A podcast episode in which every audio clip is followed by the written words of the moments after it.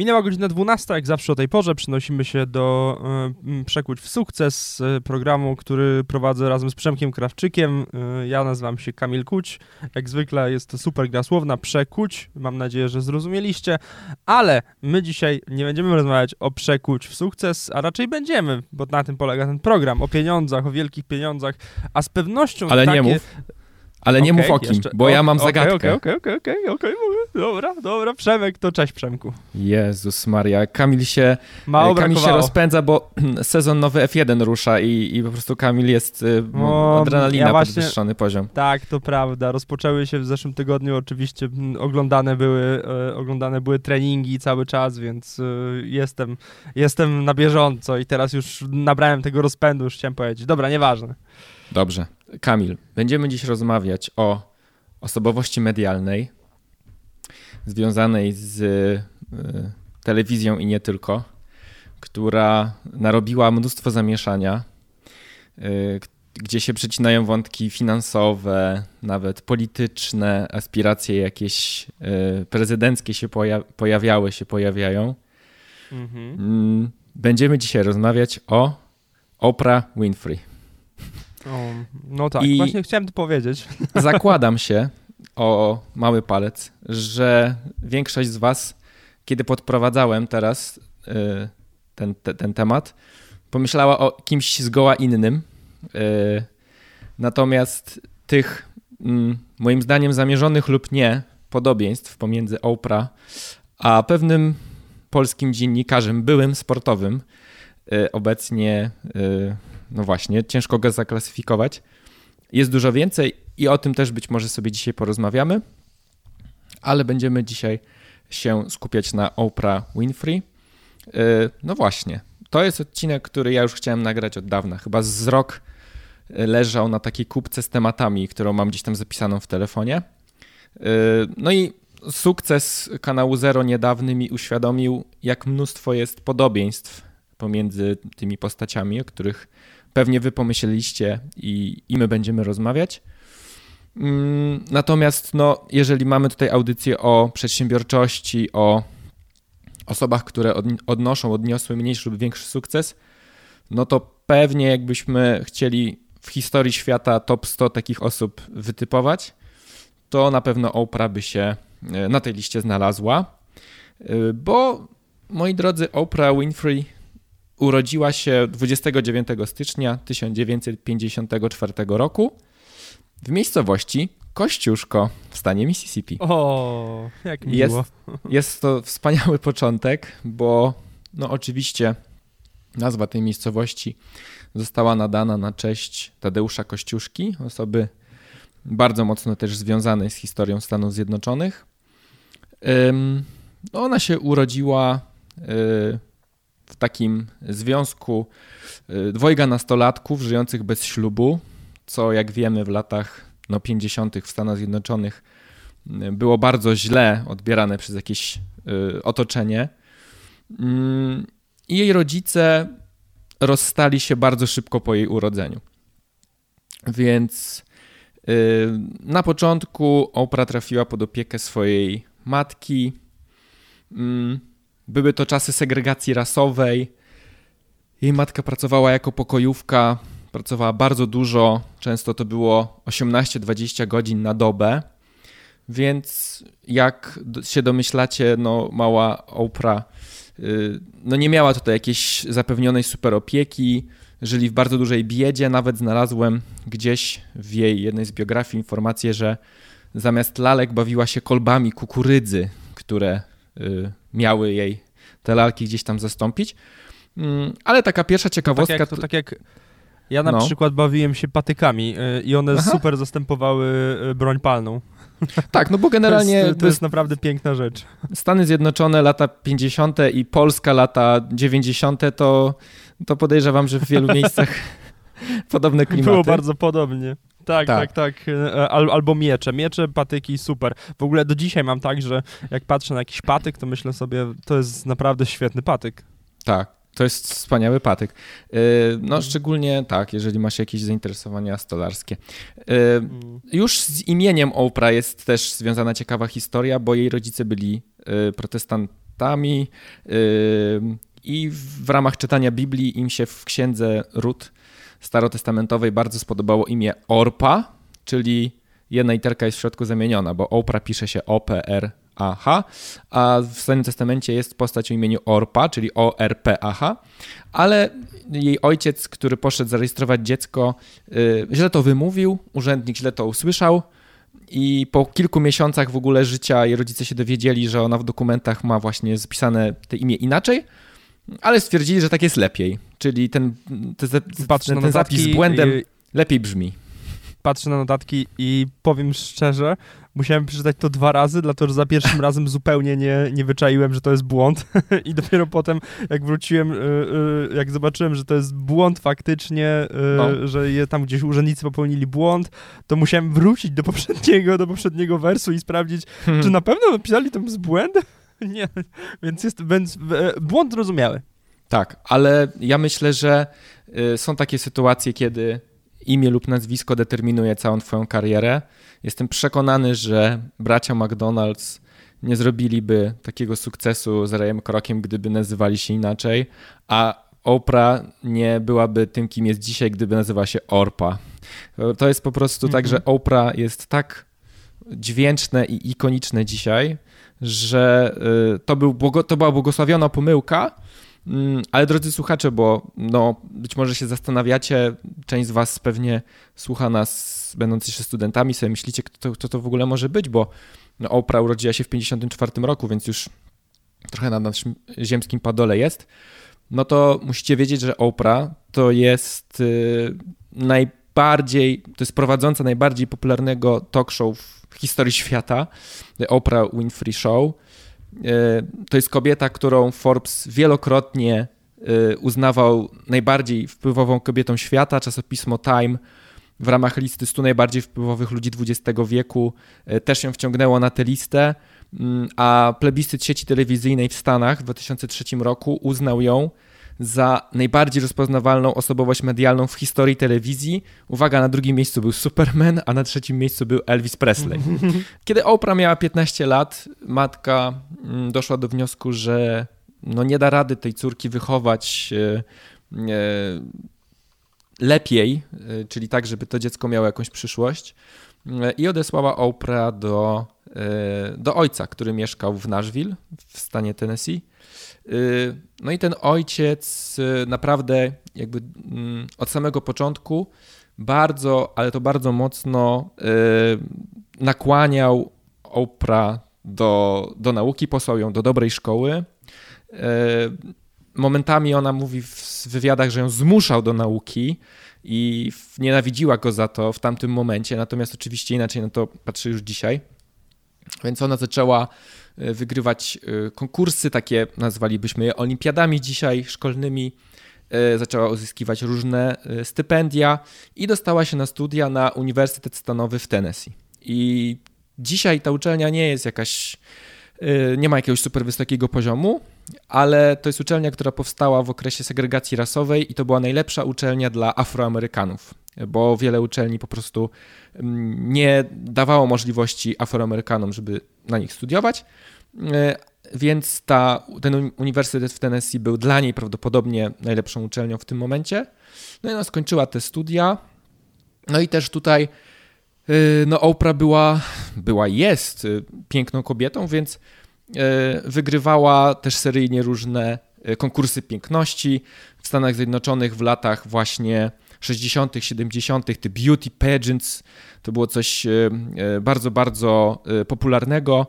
Mm, no i któregoś dnia mm, ona została zaproszona do, e, do radia, e, żeby mm, opowiedziała o jednym z tych konkursów, który wygrała, żeby się zaprezentowała, prawda, jako Oprah, zwyciężczyni Miss Fire Prevention.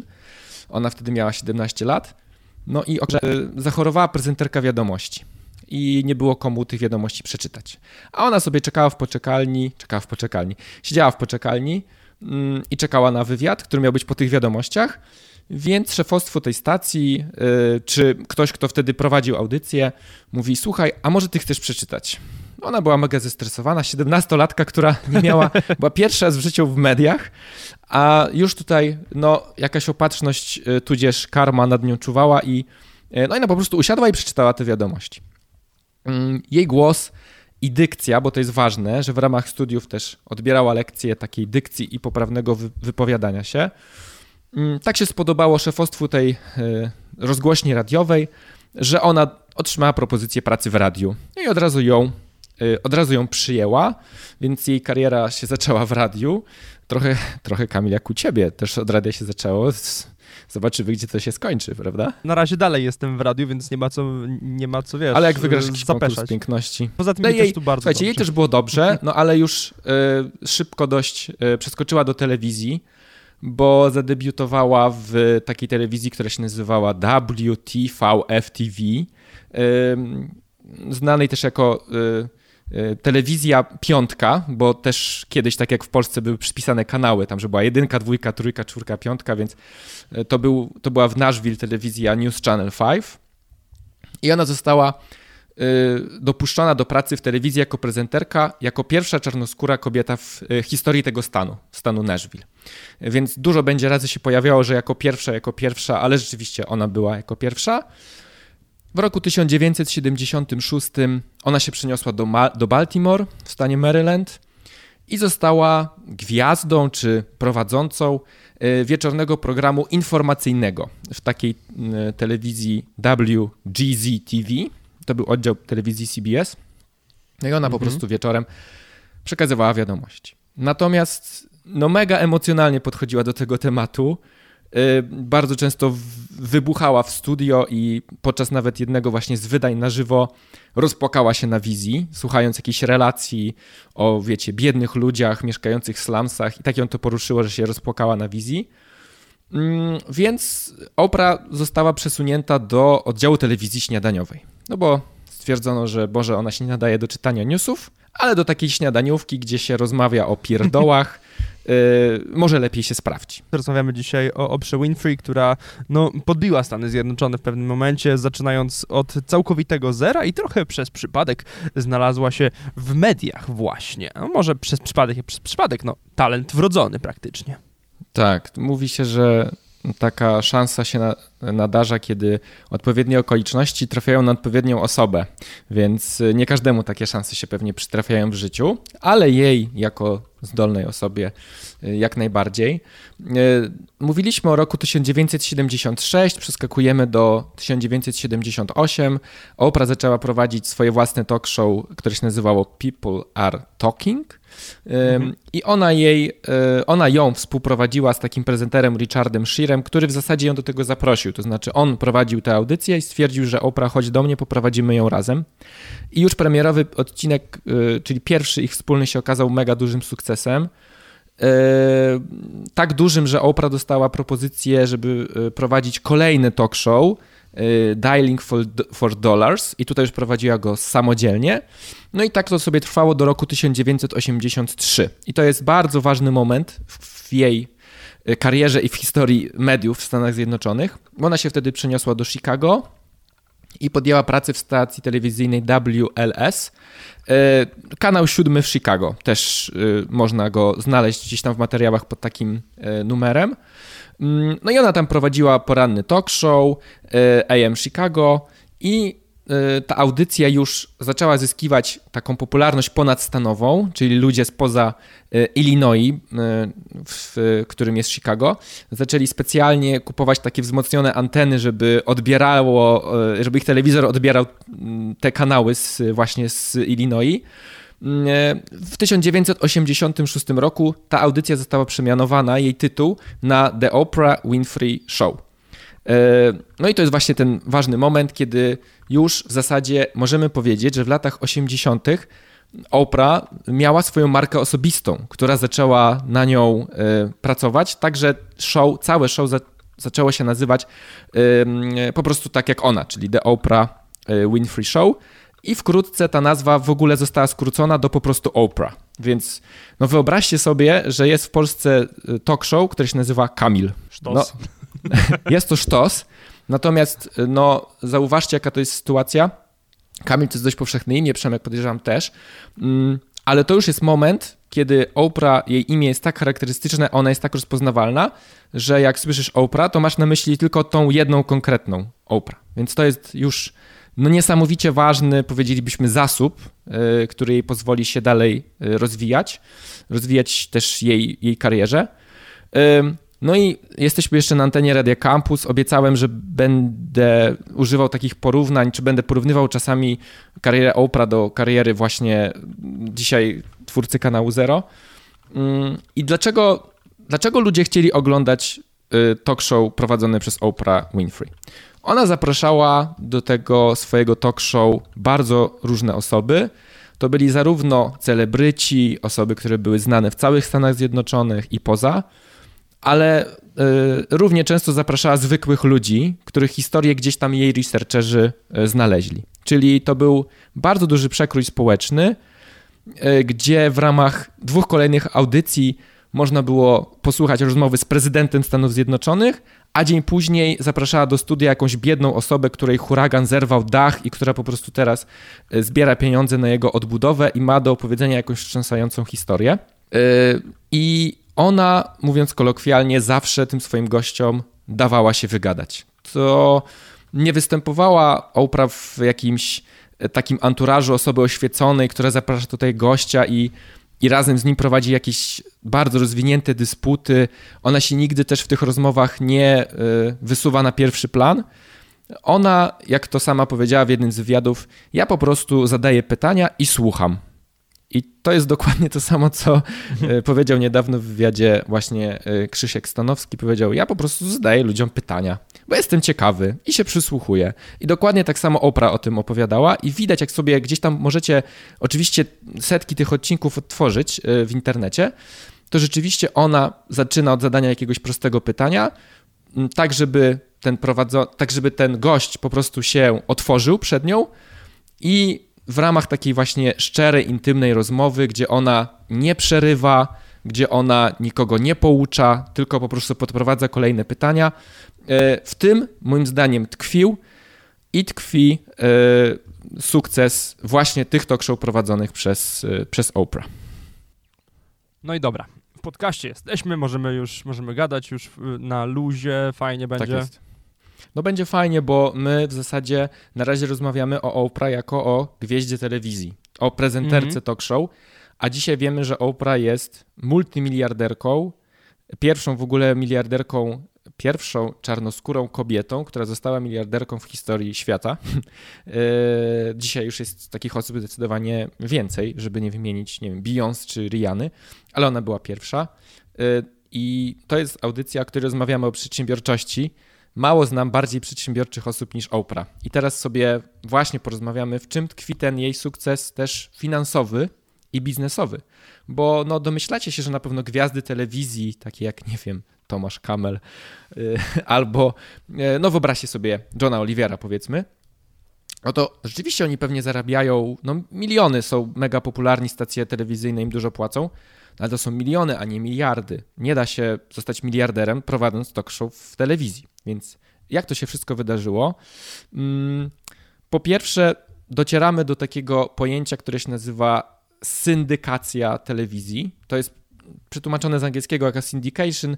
E, rzadko się to tłumaczy na polski, e, bo to nie jest też model biznesowy popularny w Polsce, ale chodzi o to, że w Stanach Zjednoczonych, szczególnie w latach 80., 90., ale to do dzisiaj się dzieje, Stany Zjednoczone są ogromnym krajem. 50 stanów yy, z Hawajami. Yy, albo 51 z Izraelem, jak niektórzy też zda, zdarza się liczyć.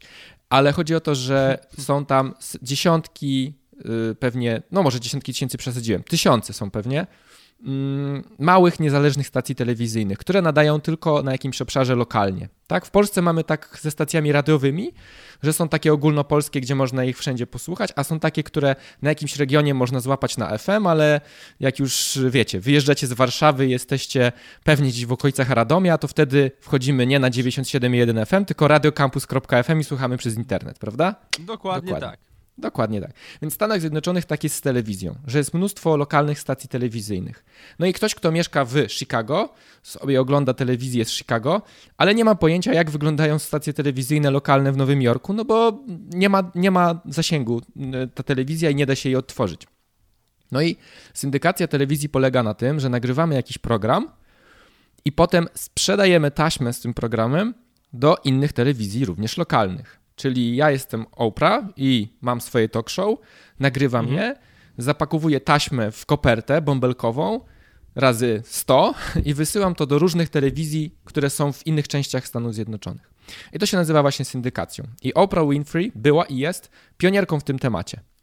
E, jej talk show było pierwszym, które było właśnie nagrywane lokalnie, ale transmitowane w kilkudziesięciu różnych telewizjach rozsianych po całych Stanach Zjednoczonych, co jej przysporzyło bardzo szybką, e, bardzo dużą rozpoznawalność i właśnie no, popularność, byśmy powiedzieli.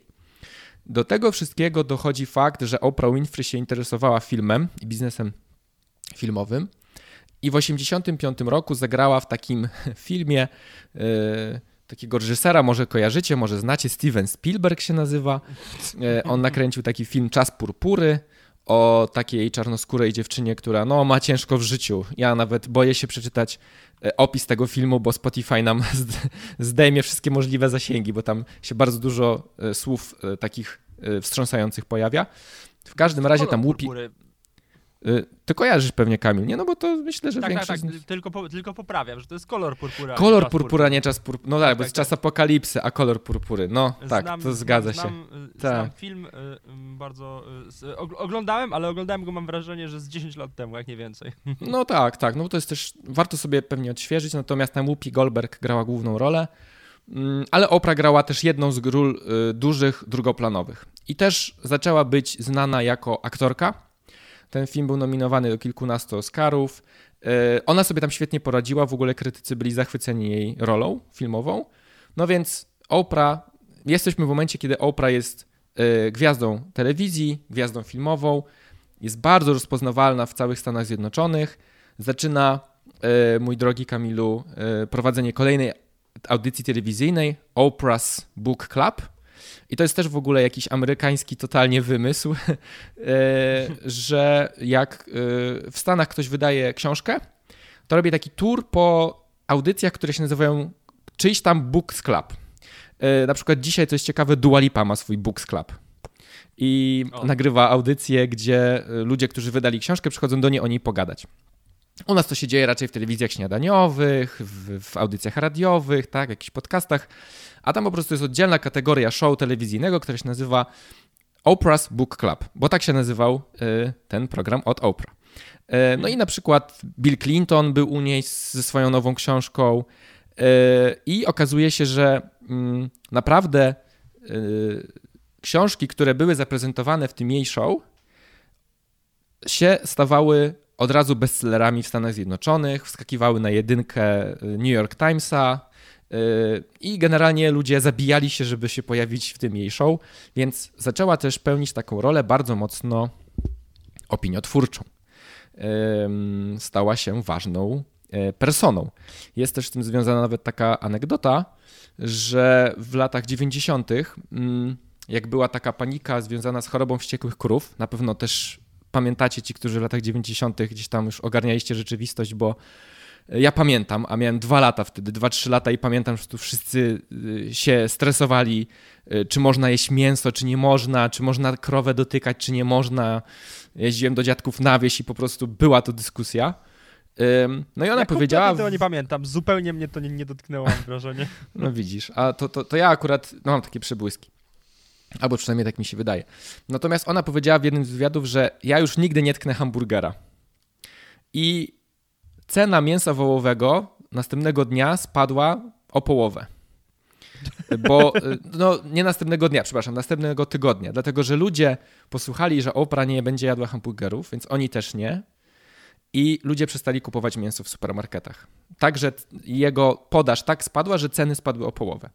I została ona przez hodowców z Teksasu pozwana do sądu o straty finansowe.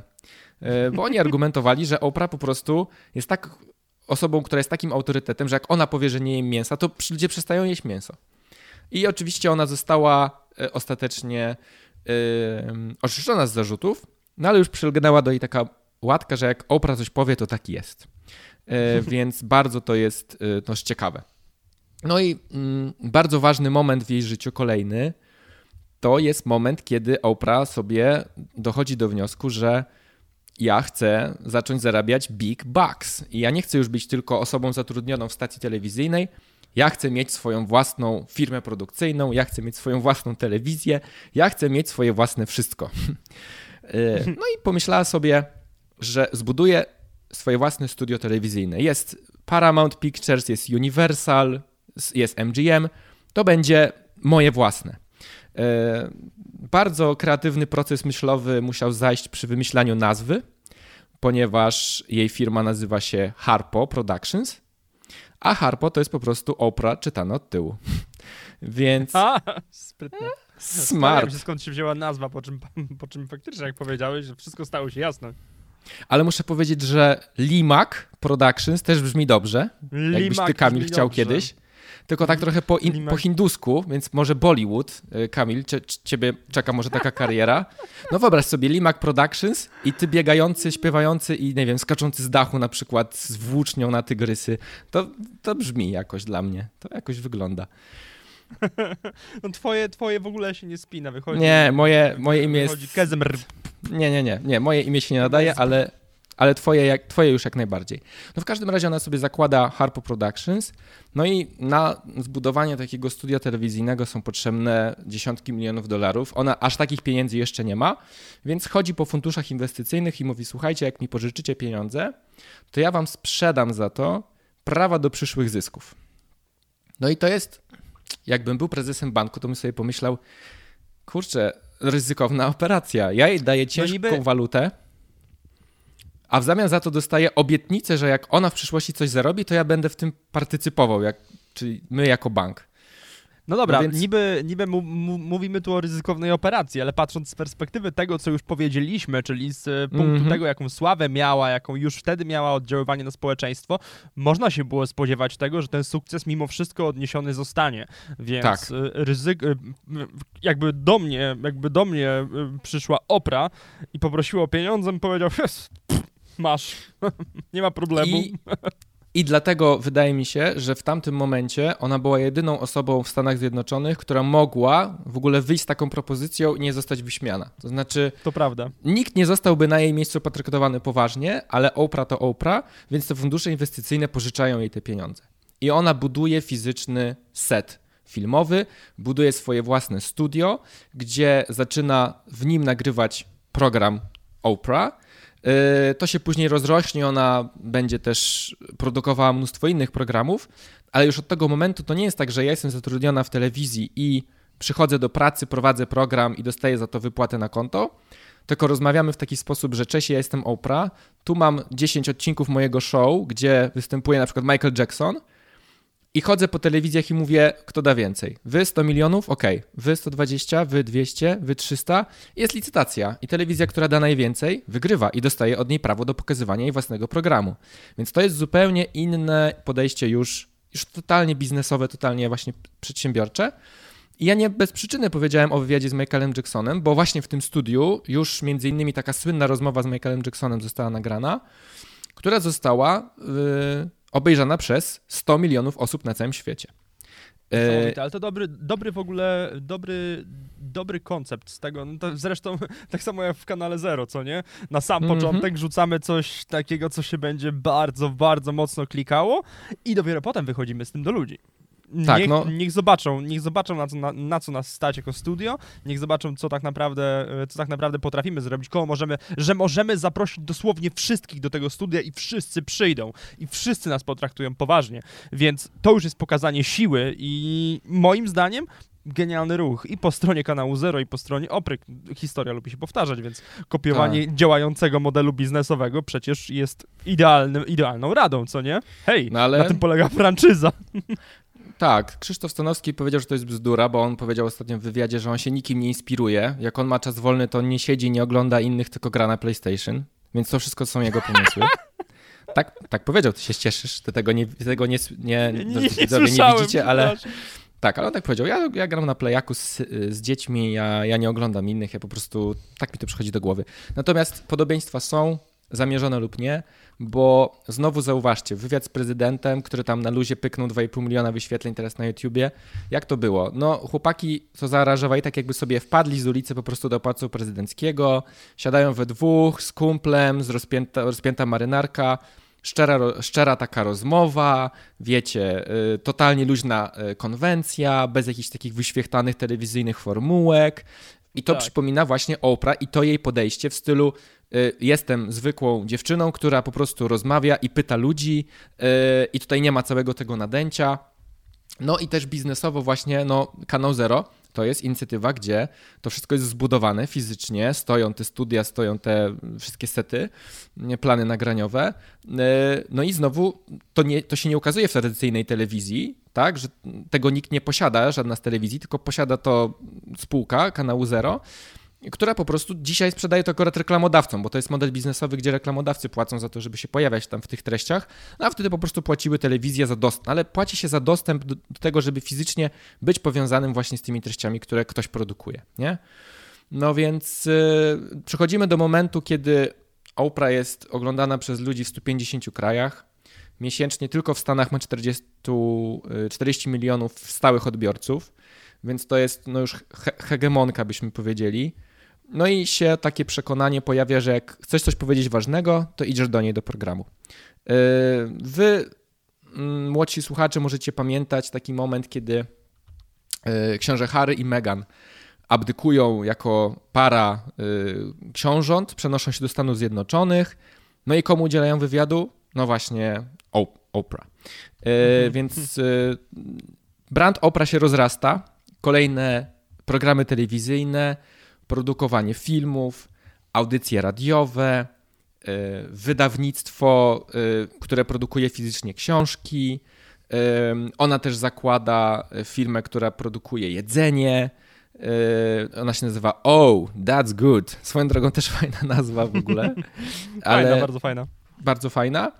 No i moi drodzy, to jest moment, kiedy ona już właśnie zaczyna y, się kręcić wokół tego majątku wartego miliard dolarów.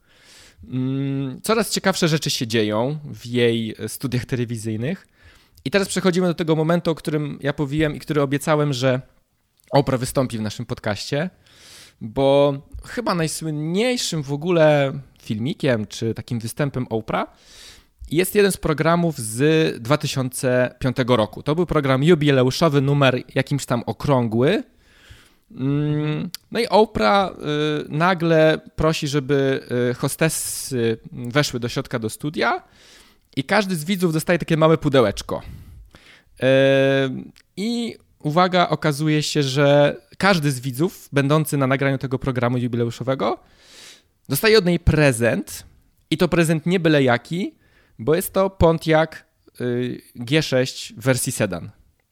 I to nie jest jeden samochód, tylko to jest tyle aut, ilu jest widzów w tym momencie w studiu filmowym, w studiu nagraniowym. I wideo z tego wydarzenia, y, no w zasadzie y, obiegło świat, stało się ikoniczne i za chwilę usłyszycie to słynne, y, za chwilę usłyszycie to słynne You Get a Car. Everybody in the audience, now listen to me carefully, is being given a special package, and I don't want you to open it. Do not open it. Cameras are on you, so do not until I tell you. All right, open your boxes. Open your boxes. One, two, three. You get a. You get a. You get a. You get a. You get a.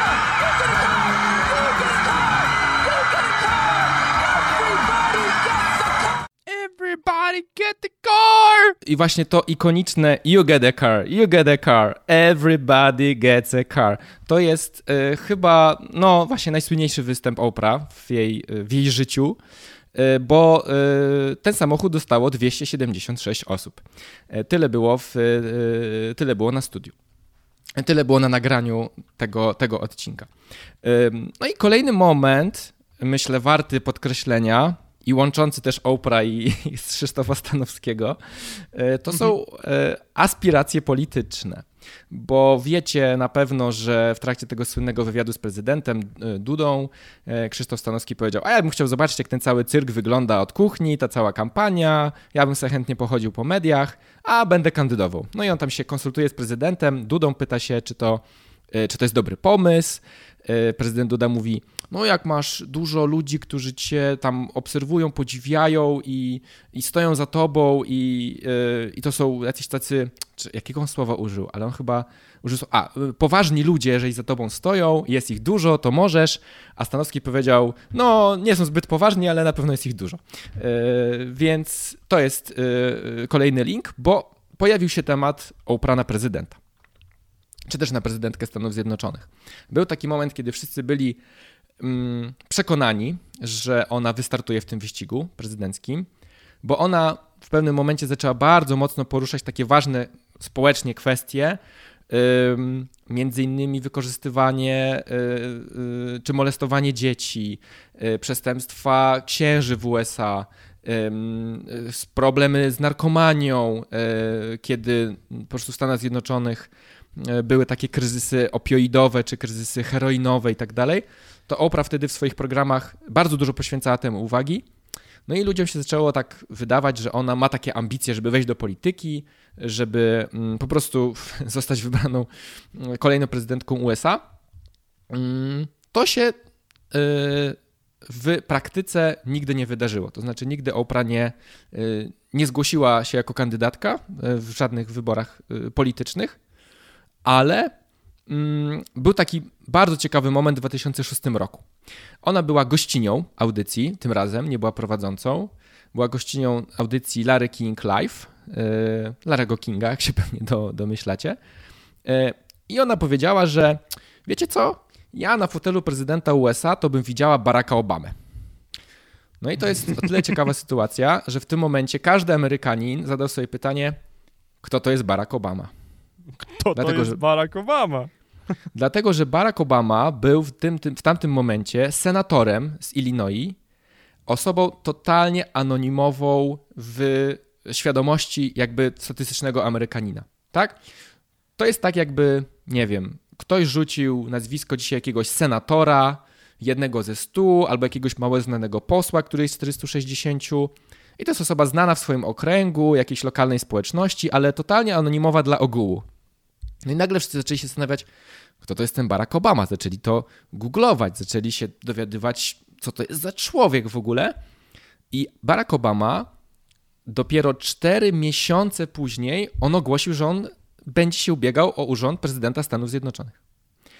Yy, to była sytuacja o tyle ciekawa, że Hillary Clinton już dużo wcześniej zapowiedziała, że ona będzie się ubiegać o te stanowisko jako kandydatka demokratów bo Barack Obama był y, senatorem demokrat, Partii Demokratycznej. No i to mhm. było, wiecie, Hillary Clinton to była y, po prostu stuprocentowa kandydatka. Wszyscy byli przekonani, że nikt absolutnie jej nie zagrozi, że w ogóle nikt się nie zgłosi. No to była taka sytuacja po prostu, gdzie ona teoretycznie miała pozamiatać każdego. Pojawił się Barack Obama znikąd, yy, właśnie zaproponowany czy nagłośniony przez Oprah. Ona się też po zaczęła pojawiać na jego wiecach wyborczych Zaczęła w programach e, swoich o nim mówić. E, ona organizowała zbiórki na kampanię Baracka Obamy, sama wpłaciła milion dolarów i to było takie, wiecie, w stylu słuchajcie, ja wpłacam milion, teraz wasza kolej. No i te pieniądze w ogóle zaczęły płynąć jakimś niesamowicie szerokim strumieniem. No a chyba the rest is history, prawda? Bo w 2009 mm -hmm. roku jako y, który 44. prezydent Stanów Zjednoczonych został zaprzysiężony niejaki Barack Obama. Hmm. Więc jest to no, sytuacja raczej bezprecedensowa, w której tak naprawdę jedna osoba jest w stanie wykreować prezydenta, przyszłego prezydenta najbardziej potężnego kraju świata. Nie? Więc no, na pewno jest to, mm, jest to taki ostateczny dowód na to, że Oprah po prostu była y, totalną niszczycielką po prostu wszystkiego, albo kreatorką wszystkiego, zależy jak, no to, jak na to spojrzeć. No dobrze, ile Oprah dzisiaj ma lat? Mm, bo nawet Widzicie, nie wynotowałem sobie tego, ale zaraz policzę. E, no, 54 to chyba łatwo możemy policzyć, 70 że lat. 70 w tym roku. Tak, tak, A widzisz, tak. no to jest kolejny, to jest kolejny powód, żeby było nagrać o niej odcinek w takim Urodzona razie. w styczniu 29, dosłownie, dosłownie cały, niecały miesiąc temu obchodziła 70 urodziny. Happy birthday Oprah e, No w tak. takim razie. I co się dzisiaj dzieje z Oprah? Oprah mm, w ogóle założyła w latach 2000 swoją telewizję, Oprah Winfrey Network. Jakby ktoś pytał, to tutaj nazwa znowu y, musi być ściśle powiązana z imieniem i nazwiskiem. Mhm. I tam był taki deal, że ona zakłada to i wpłaca połowę kasy, a drugą połowę wkłada Discovery. Mm, Oprah w 2017 roku połowę swoich udziałów sprzedała, czyli zostały 25%, a te kolejne 25 wyceniono na 70 milionów dolarów. Taki szybki paycheck. Yy, W 2021 roku sprzedała kolejne 20%, czyli zostało jej 5% dziś, Mm, ale mm, ona zażądała, żeby, żeby mogła zostać jako CEO w, w tej sieci telewizyjnej, więc pomimo tego, że jest 70-latką, babcią i mogłaby już sobie grzać gdzieś tam pośladki na emeryturze, to nadal, słuchajcie, szefowa, nadal CEO, nadal trzymamy karty przy sobie. Ona ma swój fundusz inwestycyjny, inwestuje w startupy, bardzo dużo pieniędzy. Co dalej? Oprah też ma bardzo duży portfel luksusowych nieruchomości w Stanach Zjednoczonych, yy, w całych Stanach Zjednoczonych i bardzo często takie są specjalne odcinki Oprah, gdzie ona nie rozmawia w studiu telewizyjnym, tylko gdzieś tam w jakiejś takiej willi, gdzieś tam nad brzegiem jeziora albo gdzieś tam na jak- jakimś tam Hawaii Beach i tak dalej. To oni nagrywają w jej posiadłościach po prostu te programy. No bo znowu można sobie samej później zapłacić za wykorzystanie tej posiadłości jako planu filmowego. Smart. No tak. No i myślę, że y, jak już tutaj sobie przeszliśmy przez tę jej karierę, no to mm, to nam pokazuje taką bardzo sprytną ścieżkę od zera do miliarderki. Y, Dzisiaj, jak sobie czytamy jej historię, to wiele rzeczy dla nas się wydaje takie, no wiecie, oczywiste, że ktoś zaczyna produkować swoje własne filmy, że ktoś, nie wiem, jest transmitowany na cały kraj, no to co, co, co to jest za nowość? Ale musicie wiedzieć, że w czasach, kiedy ona to robiła, to ona była totalnie pierwsza i, i, i mnóstwo takich, mam wrażenie, patentów medialnych, patentów telewizyjnych, patentów biznesowych, to są właśnie jej, jej pomysły, które dzisiaj po prostu są replikowane przez dziesiątki ludzi, nawet w Polsce, jak widać, bardziej lub mniej świadomie, y, bo dzisiaj o tych, mm, powiedzmy, podobieństwach między nią a Krzyśkiem Stanowskim i kanałem Zero mm, widzieliśmy, że jest ich przynajmniej kilka, nie? No, Może, to może, mm, żeby ta audycja nie była taką łyżką miodu, e, przepraszam, żeby nie była taką beczką miodu, to, wrzuci, to wrzucimy tam łyżkę dziegciu. Mm, Czy są jakieś kontrowersje wokół op- Oprah? Bo myślicie sobie, no nie, no ona nie może być aż taka nieskazitelna. No i w sumie nie jest. Jest taka jedna sprawa, która dla mnie jest ważna, żeby o niej wspomnieć, a mianowicie jej przyjaźń z Harveyem Weinsteinem, czyli no jednym z największych predatorów seksualnych pewnie w historii amerykańskiego i światowego show biznesu, e, to prawda. którego nawet możecie nie, możecie nie kojarzyć jego z imienia nazwiska, ale jeżeli kojarzycie ruch MeToo, a kojarzycie wszyscy, to tak naprawdę od jego sprawy i oskarżeń wobec niego ten ruch na świecie zyskał na znaczeniu. I tak naprawdę on wybuchł po, po tej sprawie z nim związanej. No a Oprah się z nim przez lata przyjaźniła i wiele osób ta sprawa dotyczy, to znaczy przy wielu amerykańskich gwiazdach show biznesu można powiedzieć przyjaźniła się, przyjaźnił się z Weinsteinem. No i jak te osoby się zachowują? No wszyscy mówią, kurczę, to był taki fajny chłopak, ja nie wiem jak to jest w ogóle możliwe. On był taki super, taki dobry przyjaciel. No absolutnie jestem w szoku. Ja osobiście w takie historie nie do końca jestem w stanie uwierzyć. Jeżeli się z nim przyjaźniłeś, łaś, byłaś na jego imprezach, byłaś w jego posiadłościach, to jest to naprawdę wielce nieprawdopodobne, że o niczym nie wiedziałaś, nie słyszałaś, nigdy się nie zetknęłaś. Więc ym, no jest to y, jakaś historia, w której twardych dowodów y, nie mamy, ale wydaje mi się, że no tutaj ta sprawa wymagałaby naprawdę jakiegoś albo szczerego statementu, albo wy, wyjaśnienia. No i też wiele osób mm, takich już później osób, które współpracowały z Oprah, ale z jakiegoś powodu przestały, no to wiele osób mówi o niej, że no ona w telewizji to jest taka fajna, ale już jako pracodawczyni czy osoba do współpracy to jest ciężka. Wiecie, że ona wcale to nie jest taka miła jak w telewizji. No i dużo osób właśnie mówi o niej, że ona jest taka no, mm, ciężka, ciężka w kontakcie. Natomiast y, ja sobie myślę z jednej strony, że y, wiele osób pewnie mówi to z powodu jakiejś zawiści, zazdrości, a ostatnio przeczytałem taką mądrą książkę i tam było napisane, no ale w sumie to, czy każdy musi być taki miły? I czy to jest najważniejsza Dokładnie cecha człowieka? Co nie? Że jakby... że to jest osoba, która zbudowała mm, multi, mm, multimilionową, mm, tak. miliardową korporację, znaczy korporację, miliardowy biznes, który osiągnął spektakularny sukces. Ona sama osiągnęła spektakularny sukces. Ja zawsze uważam, że takie, za takimi spektakularnymi sukcesami zawsze musi stać jakiś psychopata. Oczywiście niekoniecznie brać, y, y, proszę brać moje słowa w w tym takiej pejoratywnej formie, że psychopata to od razu tak tragicznie. Nie, no, trochę z psychopaty no. trzeba w sobie mieć jednak. Trzeba dążyć do celu, mm, trzeba iść do niego, nie każdy z nas po prostu to ma. I to, ale niekoniecznie jest to coś super negatywnego, uważam. Więc tak. E, sądzę, że gdyby się okazała całkowicie normalną osobą, tak jak każdy z nas, to bym był dopiero wtedy zaskoczony. Serio.